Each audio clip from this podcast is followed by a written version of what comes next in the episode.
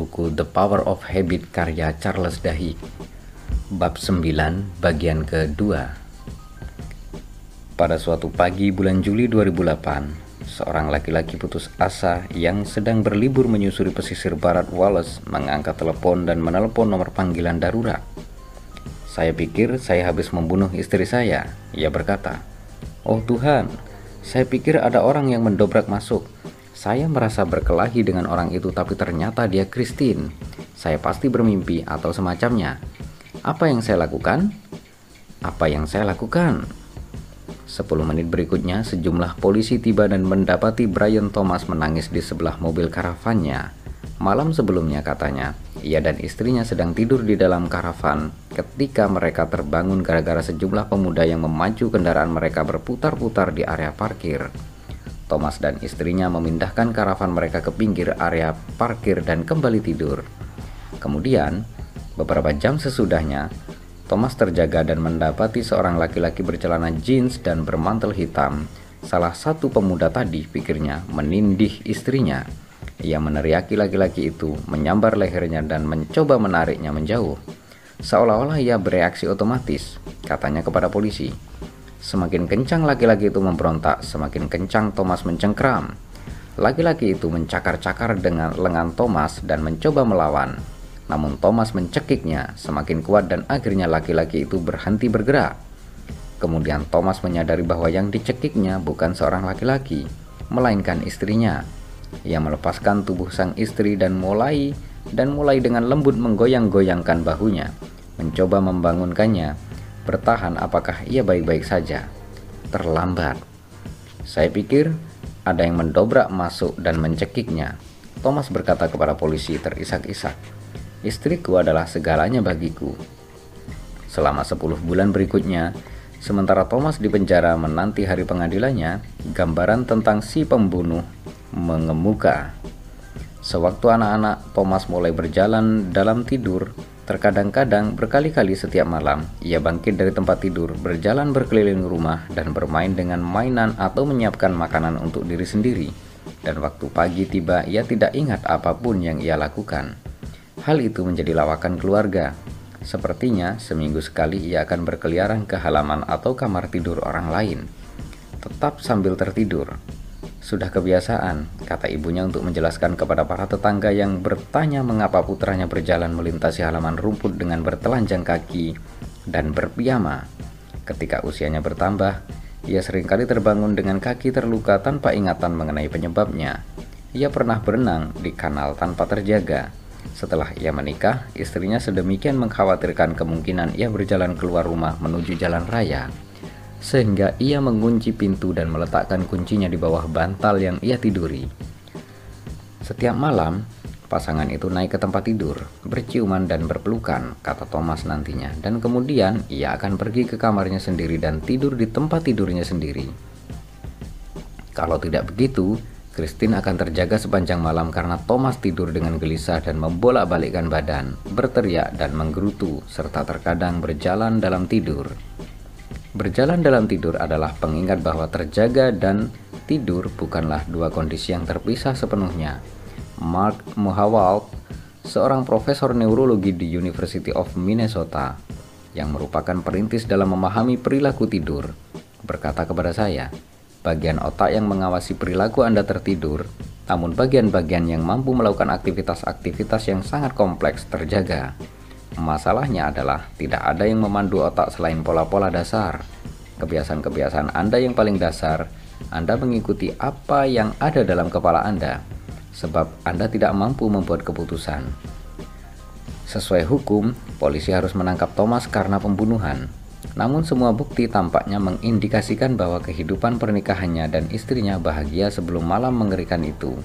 Tidak ada sejarah kekerasan dalam rumah tangga, mereka memiliki dua putri yang telah dewasa dan belum lama itu memesan tempat di pelayaran Mediterania untuk merayakan ulang tahun pernikahan mereka yang ke-40. Para jaksa menanyai seorang ahli soal tidur, Dr. Chris Idzikowski dari Edinburgh Sleep Center untuk memeriksa Thomas dan mengevaluasi satu teori bahwa ia tidak sadar sewaktu membunuh istrinya. Dalam dua sesi terpisah, satu di laboratorium Itzikowski dan satu lagi di penjara. Si peneliti memasang sensor di sekujur tubuh Thomas dan mengukur gelombang otak, pergerakan mata, otot-otot dagu dan kaki, aliran udara di hidung, pernapasan, dan kadar oksigennya sewaktu ia tidur. Thomas bukan orang pertama yang berargumen bahwa ia melakukan suatu kejahatan sewaktu tertidur, dan karena itu tidak boleh dimintai pertanggungjawaban atas perbuatannya. Ada sejarah panjang mengenai penjahat yang pura-pura tidak bisa dituntut karena otomatisme, sebutan untuk tidur berjalan dan perilaku-perilaku tak sadar lainnya. Dan pada dasar warsa kemarin, seiring semakin canggihnya pemahaman kita mengenai neurologi kebiasaan dan kehendak bebas, pembelaan-pembelaan itu menjadi semakin meyakinkan. Masyarakat seperti yang terwujud dalam pengadilan dan hakim telah bersepakat bahwa sejumlah kebiasaan sedemikian kuat sampai-sampai mengalahkan kemampuan kita membuat keputusan, dan karena itu kita tidak bertanggung jawab atas apa yang kita lakukan. Tidur berjalan adalah buntut janggal aspek normal cara otak kita bekerja sewaktu kita terlelap. Nyaris sepanjang waktu, selagi tubuh kita masuk keluar fase-fase berbeda dalam tidur, struktur saraf kita yang paling primitif, batang otak, melumpuhkan anggota tubuh dan sistem saraf kita, memungkinkan kita mengalami mimpi tanpa tubuh kita ikut bergerak. Biasanya, kita bisa melakukan transisi keluar masuk kelumpuhan beberapa kali setiap malam tanpa masalah apa-apa. Dalam neurologi, hal itu dikenal sebagai switch atau pertukaran. Tapi, otak sebagian orang mengalami kesalahan dalam pertukaran fase mereka mengalami kelumpuhan otak sempurna saat tidur dan tubuh mereka aktif sementara mereka bermimpi atau melalui fase-fase tidur berbeda. Inilah akar penyebab tidur berjalan dan bagi kebanyakan penderita, masalah itu mengganggu namun tidak berbahaya. Misalnya, ada yang mungkin bermimpi makan kue, lalu keesokan paginya menemukan kotak donat yang sudah kosong di dapur. Ada yang bermimpi pergi ke toilet, tapi ternyata paginya menemukan genangan air di lorong. Orang yang berjalan dalam tidur bisa berperilaku rumit. Misalnya mereka bisa membuka mata, melihat berjalan berkeliling, dan mengemudikan mobil atau memasak sambil tetap tidak sadar. Karena bagian-bagian otak yang berkaitan dengan melihat, berjalan, mengemudi, dan memasak bisa berfungsi sementara mereka tidur tanpa masukan dari wilayah-wilayah otak yang lebih maju, misalnya korteks prafrontal. Ada pejalan dalam ada pejalan dalam tidur yang merebus air dan membuat teh. Ada seorang yang mengemudikan perahu motor. Ada lagi yang menyalakan gergaji listrik dan mulai memotong-motong kayu sebelum kembali tidur. Namun secara umum, pejalan dalam tidur tidak akan melakukan apa pun yang membahayakan diri sendiri maupun orang lain. Bahkan saat tertidur, ada naluri untuk menghindari bahaya. Namun, Ketika para ilmuwan mengkaji otak para pejalan dalam tidur, mereka menemukan sesuatu berbeda antara tidur berjalan. Ketika orang-orang mungkin bangun dari tempat tidur dan mulai bertindak seperti yang mereka mimpikan atau impuls-impuls ringan lainnya, dan sesuatu yang disebut teror tidur. Ketika teror tidur terjadi, aktivitas di dalam otak orang sangat berbeda dengan ketika ia terjaga, setengah sadar, bahkan tidur berjalan. Orang-orang yang tengah mengalami teror tidur tampak dicengkram kengerian hebat, namun bukan bermimpi dalam pengertian biasa. Otak mereka padam kecuali wilayah-wilayah saraf paling primitif, termasuk apa yang dikenal sebagai pembangkit pola pusat. Daerah-daerah otak ini adalah yang sama dengan yang dipelajari oleh Dr. Larry Squire dan para ilmuwan di MIT yang menemukan mekanisme saraf lingkar kebiasaan Bahkan bagi seorang ahli saraf, otak yang mengalami teror tidur terlihat mirip sekali dengan otak yang sedang mengikuti kebiasaan. Perilaku orang yang dicengkram teror tidur memang merupakan kebiasaan, meskipun dari jenis yang sangat mendasar. Pembangkit pola pusat yang bekerja pak yang bekerja saat teror tidur adalah sumber pola-pola perilaku seperti berjalan, bernafas, meringis karena mendengar bunyi nyaring, atau melawan menyerang, melawan penyerang. Kita biasanya tidak memikirkan perilaku-perilaku itu sebagai kebiasaan, padahal itu adalah mereka. Perilaku-perilaku otomatis tertanam sedemikian dalam pada neurologi kita sampai-sampai menurut penelitian bisa terjadi nyaris tanpa masukan dari wilayah-wilayah otak yang lebih tinggi. Tapi kebiasaan-kebiasaan itu ketika terjadi saat teror tidur berbeda dalam satu hal teramat penting. Oleh karena tidur mendeaktivasi korteks prafrontal dan daerah-daerah kognisi tinggi lainnya, sewaktu suatu kebiasaan teror tidur terpicu, tidak ada kemungkinan campur tangan sadar.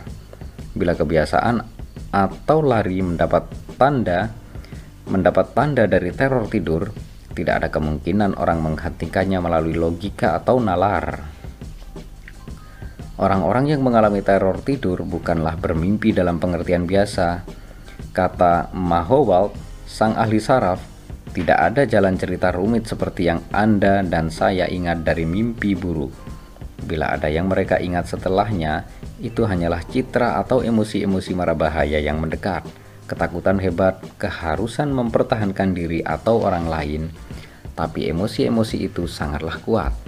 Mereka adalah sebagian tanda paling dasar bagi segala macam perilaku yang kita pelajari selama hidup.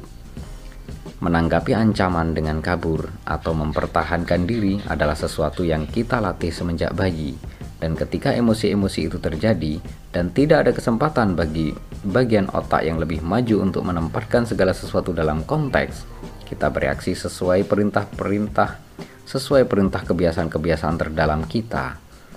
Kita kabur atau bertarung atau mengikuti apa pun pola perilaku yang paling mudah dijalankan otak. Ketika seseorang di tengah-tengah teror tidur mulai merasa terancam atau bergairah seks, dua pengalaman teror tidur paling umum, mereka bereaksi dengan mengikuti kebiasaan-kebiasaan yang terkait dengan rangsangan-rangsangan itu. Ada orang-orang yang mengalami teror tidur dan melompat dari atap yang tinggi karena mereka percaya mereka sedang kabur dari penyerang. Ada yang membunuh bayinya sendiri karena mereka percaya sedang bertarung dengan hewan buas. Ada yang memperkosa pasangannya, meskipun korbannya memohon-mohon kepadanya agar berhenti. Sebab begitu penderita teror tidur terangsang saat terlelap, mereka mengikuti kebiasaan yang tertanam untuk memenuhi dorongan itu. Tidur berjalan tampaknya memungkinkan adanya pilihan, keikutsertaan oleh bagian otak yang lebih maju yang memberitahu kita untuk menjauh dari tepi atap. Tapi orang yang dicengkram teror tidur semata mengikuti lingkar kebiasaan tak peduli apa yang diperintahkan. Sejumlah ilmuwan menduga teror tidur mungkin berlatar genetis. Yang lain mengatakan penyakit-penyakit seperti Parkinson memperbesar kemungkinan teror tidur. Penyebabnya belum dipahami dengan baik tapi bagi sebagian orang, teror tidur melibatkan impuls-impuls kekerasan. Kekerasan yang berkaitan dengan teror tidur tampaknya merupakan reaksi terhadap suatu gambaran konkret yang menakutkan, yang bisa dijabarkan oleh orang itu setelahnya. Sekelompok penelitian Swiss menulis pada 2009, di antara orang-orang yang menderita sejenis disfungsi tidur, Upaya serangan terhadap teman tidur dilaporkan terjadi pada 64% kasus dan 3% menyebabkan cedera. Di Amerika Serikat maupun Britania Raya, tercatat sejumlah pembunuh yang berargumen bahwa teror tidur menyebabkan mereka melakukan kejahatan yang tak akan pernah mereka lakukan kala sadar.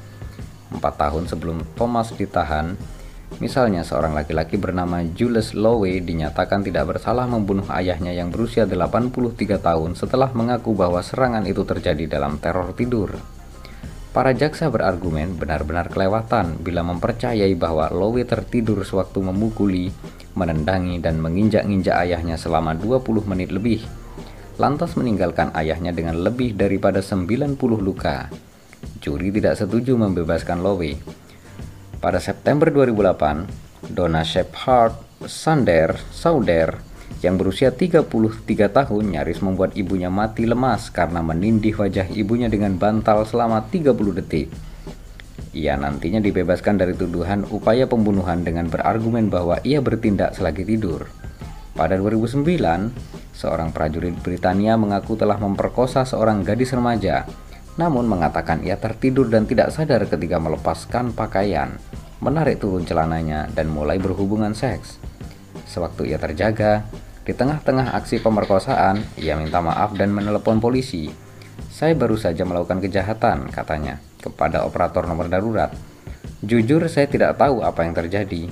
Bangun-bangun, saya sedang menindih dia. Ia punya sejarah, menderita teror tidur dan dinyatakan tidak bersalah.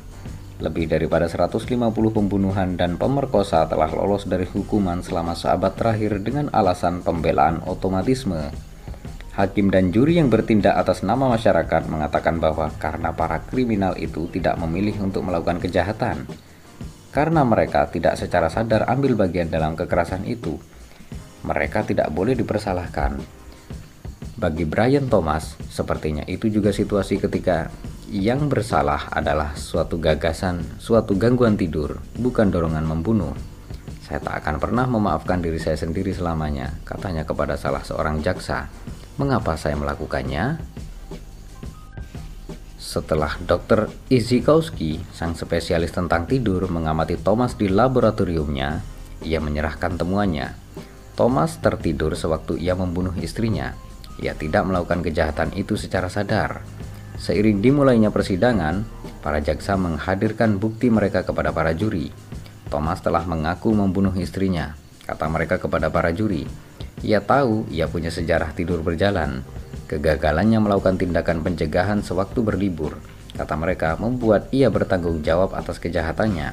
Namun, seiring berjalannya perdebatan, jelaslah bahwa pertarungan itu sungguh berat bagi para jaksa. Pengacara Thomas berargumen bahwa kliennya tidak bermaksud membunuh istrinya, bahkan ia tidak memegang kendali atas tindakan-tindakannya sendiri malam itu. Thomas justru bereaksi secara otomatis terhadap suatu ancaman yang ia anggap ada. Ia mengikuti kebiasaan yang nyaris setua spesies kita, naluri untuk melawan seorang penyerang dan melindungi seorang terkasih. Begitu bagian-bagian paling primitif di otaknya terpapar kepada suatu tanda, seseorang yang mencekik istrinya, kebiasaannya mengambil alih dan ia melawan, tanpa kesempatan bagi kognisinya yang lebih tinggi untuk turut campur. Tak ada kesalahan Thomas selain menjadi seorang manusia. Demikian argumen sang pengacara dan bereaksi sesuai paksaan berperilaku dari neurologi dan kebiasaan-kebiasaan paling primitif. Bahkan, saksi-saksi pihak penuntut sendiri tampaknya mendukung pihak pembela, walaupun Thomas tahu ia bisa tidur berjalan. Kata para psikiater pihak penuntut, tidak ada sesuatu pun yang bisa menunjukkan kepadanya bahwa bisa diramalkan kalau Thomas akan membunuh. Thomas tak pernah menyerang siapa pun dalam tidur sebelumnya. Ia sebelumnya tak pernah berlaku buruk kepada istrinya. Ketika psikiater utama pihak penuntut naik ke podium, pengacara Thomas memulai pertanyaan silang. Adilkah bila Thomas dinyatakan bersalah atas tindakan yang ia tidak bisa tahu akan terjadi?